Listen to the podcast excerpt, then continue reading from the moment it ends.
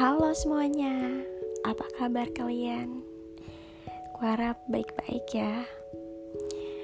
Baik, uh, di sini aku mau curhat. Curhat kenapa Miftah?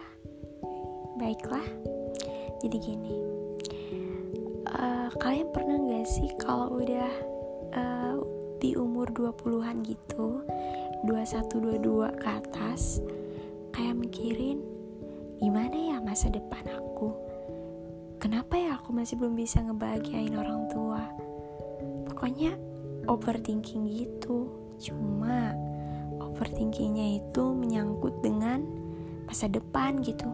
Kayak berpikir kapan ya aku sukses? Kapan ya aku menikah?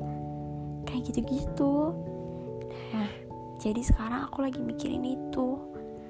Pokoknya kayak nggak tenang aja gitu.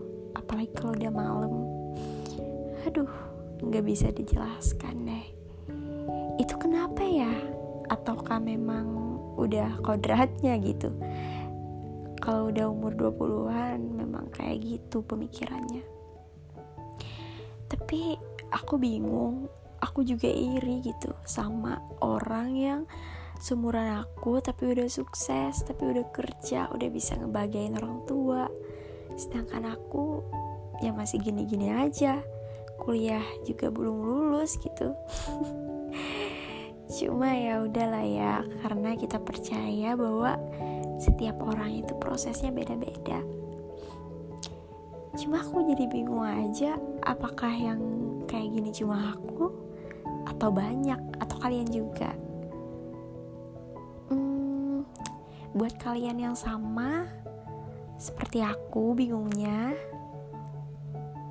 tolong komen aja ya, atau bisa hubungi aku. Kita curhat bareng, membahas uh, masa depan.